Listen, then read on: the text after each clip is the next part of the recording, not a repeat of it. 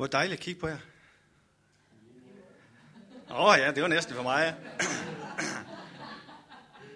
Jeg tror ikke, jeg gætter helt forkert, når jeg antager, at den flok unge mennesker, børn, hvad nu man kalder den, og de, de vil nok godt kaldes børn endnu, når de her til morgen, sammen med mange af jer, har åbnet lov nummer 12.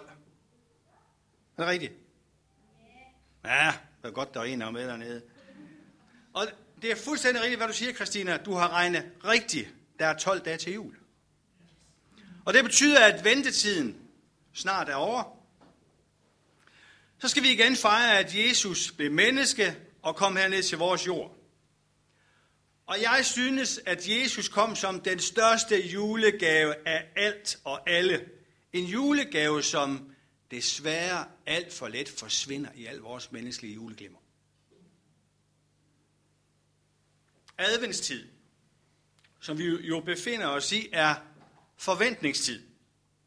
Forventning til, at Jesus skal komme. Så var det også for et par tusind år siden, der var forventning til, at Jesus skulle komme. Men Bibelen fortæller jo også, at Jesus skal komme igen. Så vi lever i en forventningstid, også hvad det angår. Der er et par engle, der har noget at citere i den her forbindelse. Og det synes jeg lige, vi skal læse sammen. Det er fra Apostlenes Gerninger 1. Det er sagt til nogle galilæere, som står der, men jeg tror egentlig også, det godt kan tale til os i dag. Hvorfor øh, står I og kigger op imod himlen i Galilea? Den Jesus, som er blevet taget op til himlen, skal komme igen på samme måde, som I har set ham far op til himlen.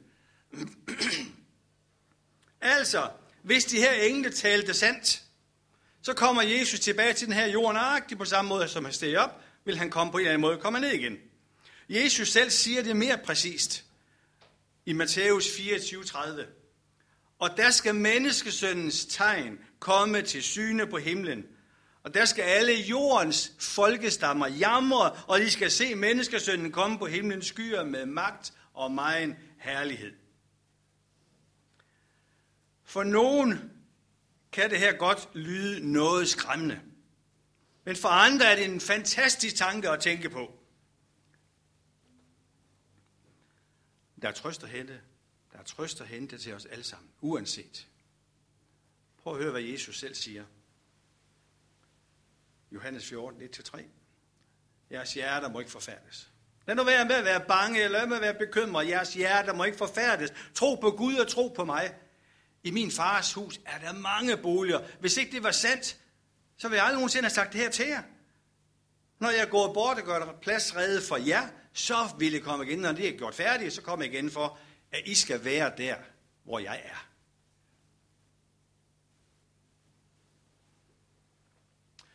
Hvad er det næste spørgsmål så? I skal være der, hvor jeg er. For mig vil det være, hvor skal jeg så være henne? Eller hvad tænker I?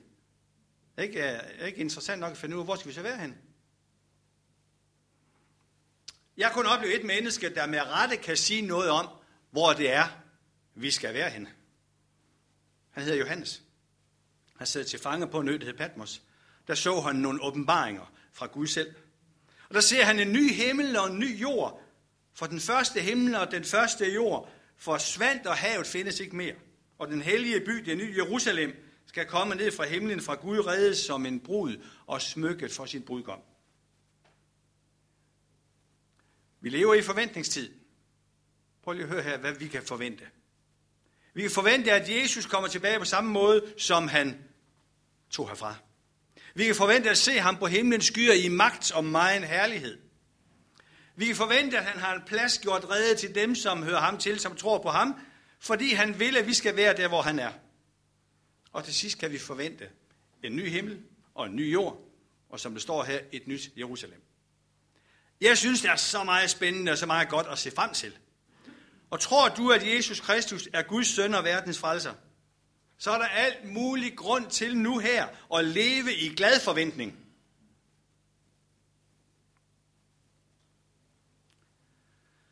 Når nu det gælder advent, og det gælder tanken omkring Jesu komme, så har jeg i hvert fald et forbillede. Et forbillede, som er en gammel mand. En gammel mand, som både var sangskriver, han var poet, og han var egentlig også sanger. Han hedder Zacharias. Hans kone var ligesom ham oppe i årene. De havde ingen børn, og det var de faktisk rimelig trætte af. Det ville de rigtig gerne have. Så en dag, så kommer ham englen der, Gabriel, som også et halvt år senere øh, kommer til Maria. Så kommer han til Zacharias og siger, ved du hvad, om øh, knap et år, så øh, skal I have et barn. Altså, jeg kunne bare tænke i dag, hvis der kom sådan en engel, dukker op hjemme med mig og sagde om et år, Erik, så skal du have et barn. Så jeg, ah, ved du hvad, det er for meget. Jeg tror, Zacharias sagde det også sådan, ved du hvad, jeg er for gammel til det her. Men et år efter, så var miraklet der. Og et år efter, der blev Elisabeth og Zacharias far til Johannes. Så bliver der selvfølgelig stor glæde i sådan et hjem her, hvor der er sådan et trækløver. Virkelig en lille familie nu. Og en dag, der står Zacharias inde hvis vuggen, eller hvad nu han har ligget i den lille Johannes. Der står han inde ved ham. Og så mærker han glæden og begejstringen svulmer op i hans liv. Han bliver simpelthen bare så toplykkelig. Tårerne presser sig på. Han bliver fyldt med taknemmelighed til Gud. Og midt i den her glædesbegejstring, så begynder han at synge. En lovsang til Gud. En dejlig forventningssang til Gud. Skal du høre, hvad han synger? Lovet være Herren Israels Gud, for han har besøgt og forløst sit folk. Han har oprejst os frelsens horn. Han vil frelse os. Han vil vise os barmhjertighed. Han vil fri os fra vores fjendes hånd. Og så kigger han ned i vuggen, ned til Johannes, og du mit barn.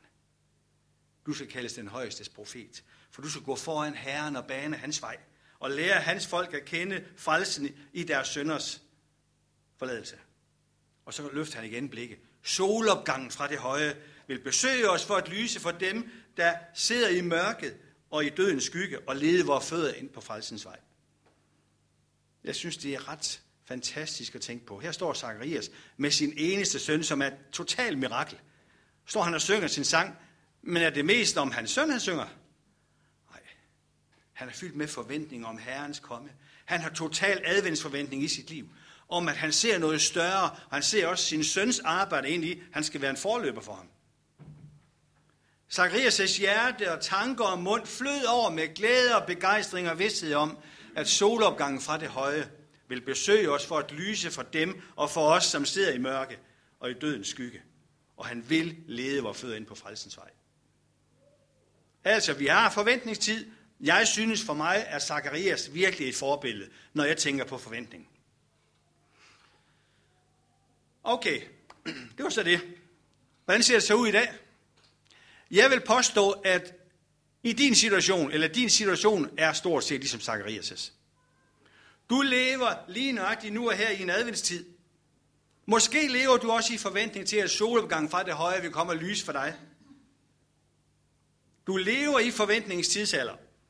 Med mange tegn på, at det er virkelig, som Paulus siger, dagen er nær. Og ligesom Zakarias, så har du og jeg brug for Helligåndens kraft og fylde i vores hjerter, så vi virkelig får adventsforventning. Hvorfor det? Hvorfor er det vigtigt? Det er vigtigt, fordi vores forventning hænger dybt sammen med, hvordan vi forbereder os. Hvis der er noget, vi rigtig meget glæder os til, så forbereder vi os også rigtig meget til det. Vi ved det fra den her berømte og kære juleforberedelse, som vi meget snart sådan for alvor skal i gang med. Jeg tror, at de fleste af os et eller andet sted glæder os til jul, og vi forbereder os på den. Men, hvordan er det så lige, vi forbereder os på den evige jul?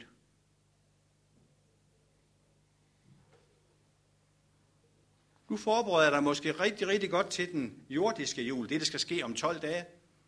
Men hvordan forbereder du dig til den evige jul? Hvordan kan du forberede dig til den evige jul? Jeg tror, det er klogt, meget klogt at lytte på, hvad Jesus har at sige, også i den her forbindelse. Kort før hans himmelfart, så siger han to ting, som jeg godt vil pege på. For det første så siger han, fred være med jer. Som faren har udsendt mig, udsender jeg nu jer. Men vi står ikke alene, så kommer det næste. Mig er givet al magt i himlen og på jorden. Gå derfor hen og gør alle folkesagen til mine disciple. Og se, Jeg er med jer alle dage ind til verdens ende. Nogle år før, det har Jesus sagt en anden sætning. Der siger han, kom og følg mig. Det er faktisk en af de mest direkte ordre, vi får som kristi efterfølger. Det er, kom og følg mig. Og så siger han, og så vil jeg gøre jer til menneskefiskere. Dermed har Jesus meget klart sagt til dig og til mig og til os, hvad vi skal bruge tiden til, mens vi venter. Venter i forventningens tid i adventstiden på Jesu Kristi komme. Hvad skal vi bruge tiden til? Vi skal fiske. Det kan godt være, at du ikke har specielt meget forstand på fiskeri. Men glem det bare lige nu, for der findes en løsning på din mangel på forstand på fiskeri. Løsningen ligger lige nøjagtigt i det udsagn, som Jesus kommer med, når han siger, kom og følg mig. Hvad er så, han siger? Hvem skal gøre hvem til menneskefisker? Jeg vil gøre dig til menneskefisker. Det er altså rimelig befriende at tænke på. Det er nøjagtigt de samme ord, som lyder til en flok fiskere ved Genesarets sø nogle år tidligere. Jesus han så noget ualmindeligt i en flok almindelige fiskere. Han så, hvilke redskaber de kunne blive, når han lagde sin guddommelige dimension til. Jeg vil godt sige til dig, at Jesus ser også noget ualmindeligt i dig. Hvis I våger at kigge rundt, så kan I se, men I ved det på forhånd, der er ingen af jer, der er ens. Så han ser noget ualmindeligt i dig, fordi han kan bruge dig helt specielt. Han ønsker at gøre dig til en menneskefisker. Kom og følg mig, og jeg vil gøre dig til en menneskefisker. Og så er vi jo høflige. Var det for mig, jeg sagde vi? Nej, vi er høflige, og vores tak vil jo lyde, tak for indbydelsen, Jesus. Det er helt i orden, jeg er ikke noget imod at være menneskefisker, Jesus, men... Og så kommer alle vores menneskelige indvendinger. Hør nu her, Jesus, jeg har ikke en, overhovedet ikke forstand på fiskeri. Det er slet ikke mig, det der fisken. Jeg har aldrig nogensinde prøvet det før, du kan godt se, det duer ikke, Jesus. Og mit udstyr, nej, det, det duer ikke, det er slet ikke i orden. Så det der med, at jeg skal være fisker, menneskefisker, det, det, det er ikke mig, det duer ikke. Jeg tror godt, vi kan tænke sådan nogle gange, jeg duer ikke, jeg har ikke kompetence, jeg kan ikke det ene, jeg kan ikke det andet. Hvis du tænker sådan, så er du sikkert ikke den eneste, der tænker sådan. Hvis jeg tænker mange år tilbage, dengang jeg var dreng, der var jeg endda ude at fiske.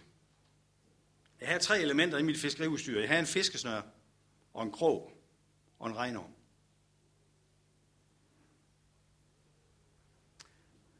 Jeg ved ikke, øh, Niels, du er sådan en rimelig professionel fisker, er du ikke det? Robert og... Jeg ved ikke, hvad I tænker om sådan et udstyr. Men jeg ved, hvad jeg tænker om det, og jeg ved, hvad det betød. Jeg har aldrig, hverken før eller senere, fanget så stor en fisk. Det jeg godt vil sige med det, det er, det er altså ikke fiskerudstyr, der tæller i første omgang. Det er helt andre elementer, vi skal have fat i. Når, det, der tæller, når vi skal være menneskefiskere. Det, der tæller, det er din villighed til at fiske. Og den guddommelige dimension over dit fiskeri. De to ting koblet sammen gør, at du bliver menneskefisker. Og Bibelen viser klart, at den her antagelse er rigtig. I Lukas kapitel 5, vers 1-11, der kan vi læse om, hvordan et almindeligt fiskeri bliver til et guddommeligt fiskeri. Situationen er den, at Jesus er ved Genesarets sø, han skal til at undervise en flok mennesker.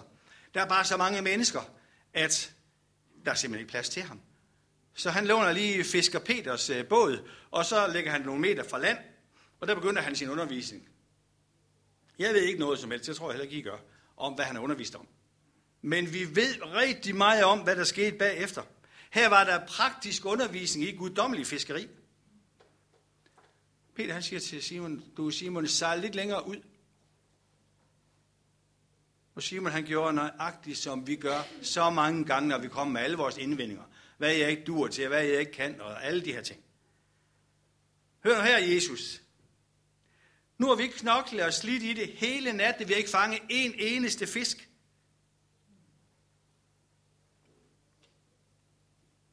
Og øvrigt, Jesus, Er det mig eller dig, der er fisker? Er det ikke dig, der er tømmer? Peter han kom med masser af indvendinger. Han er også den, der vidste mest om almindelig fiskeri. Men bagefter så gjorde Peter noget, som du og jeg helt klart kan lære af. Det var Peter, der var fisker. Det var ham, der havde forstand på fiskeri, men alligevel så kommer han med den her sætning. Jesus, på dit ord vil jeg kaste garnet ud.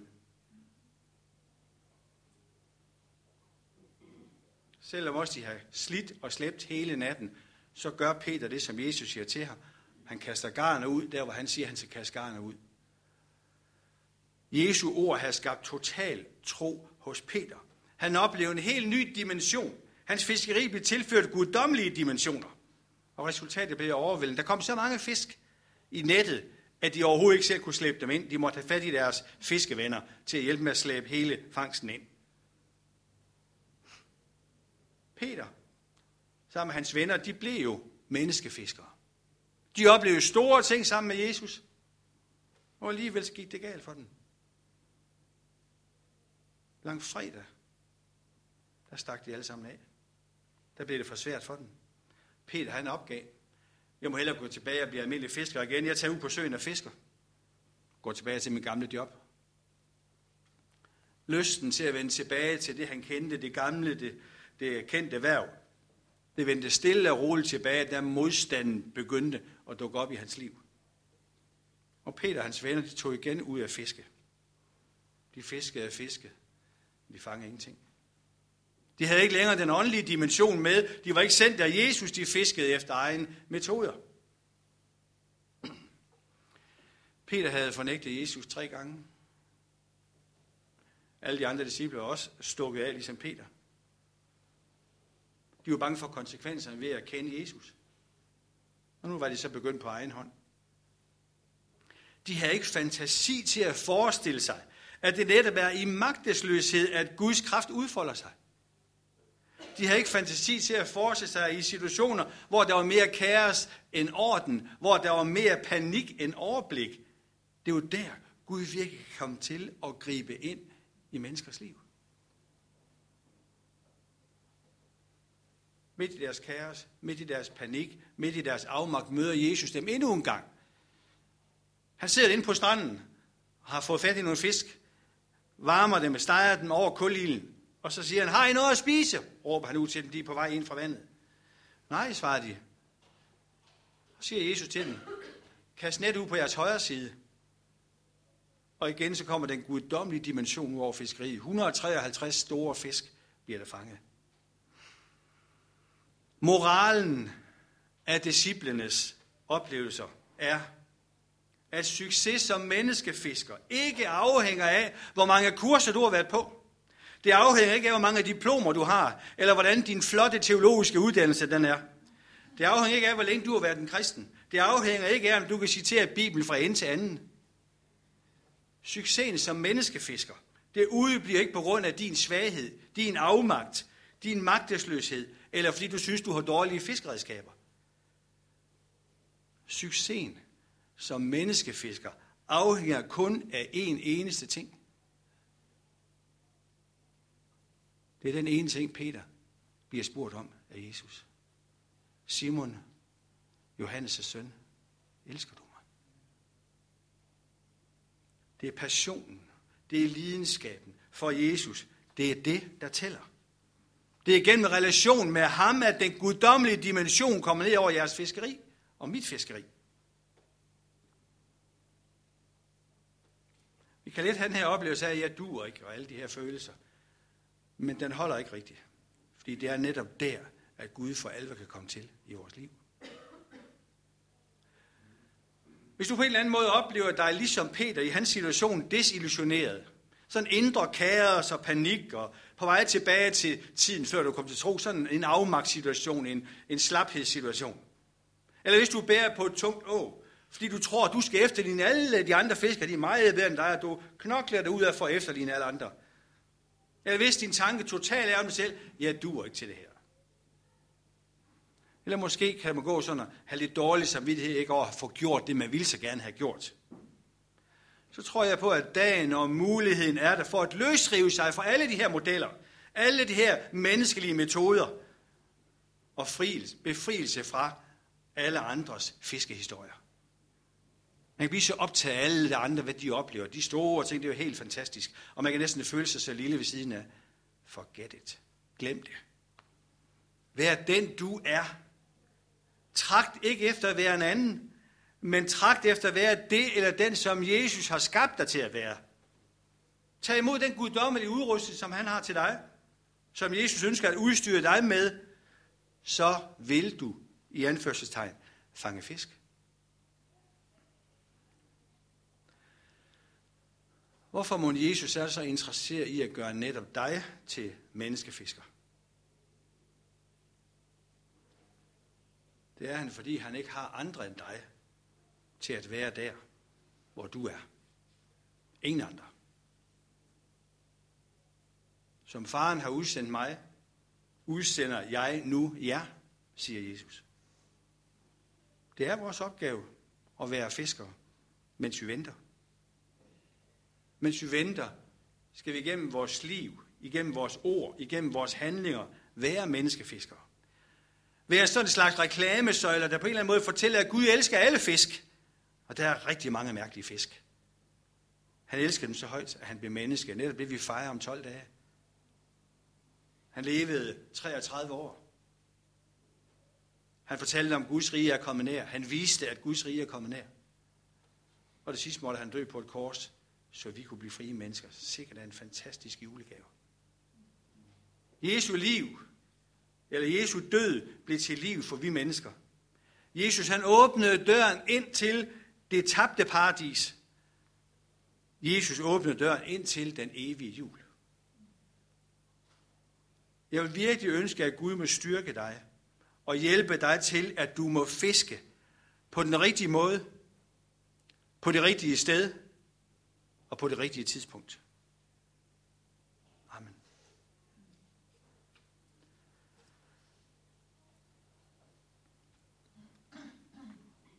Far, jeg er så glad for at vide, at du kom til den her jord for min skyld, for alle andre menneskers skyld.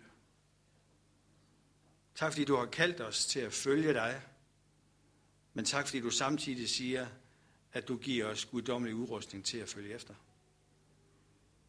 Her jeg beder dig om, at vi må være på rette sted, til rette tid, i den rette situation, og bare være dem, vi er, med den udstråling, som du giver os til, at mennesker må kunne se på os, at det er værd at følge dig. Jeg beder dig, om du vil velsigne hver enkelt, som er her i dag. Her du på din vidunderlige måde vil tale til det enkelte menneske her. Så vi må bære julen med os, ikke bare de næste 12 dage, og specielt den 24, 25 og 26. Men vi må bære julen med os ud i hverdagen, ud i vores liv. Her beder jeg bare om din velsignelse over vores liv, så vi bliver til velsignelse for andre.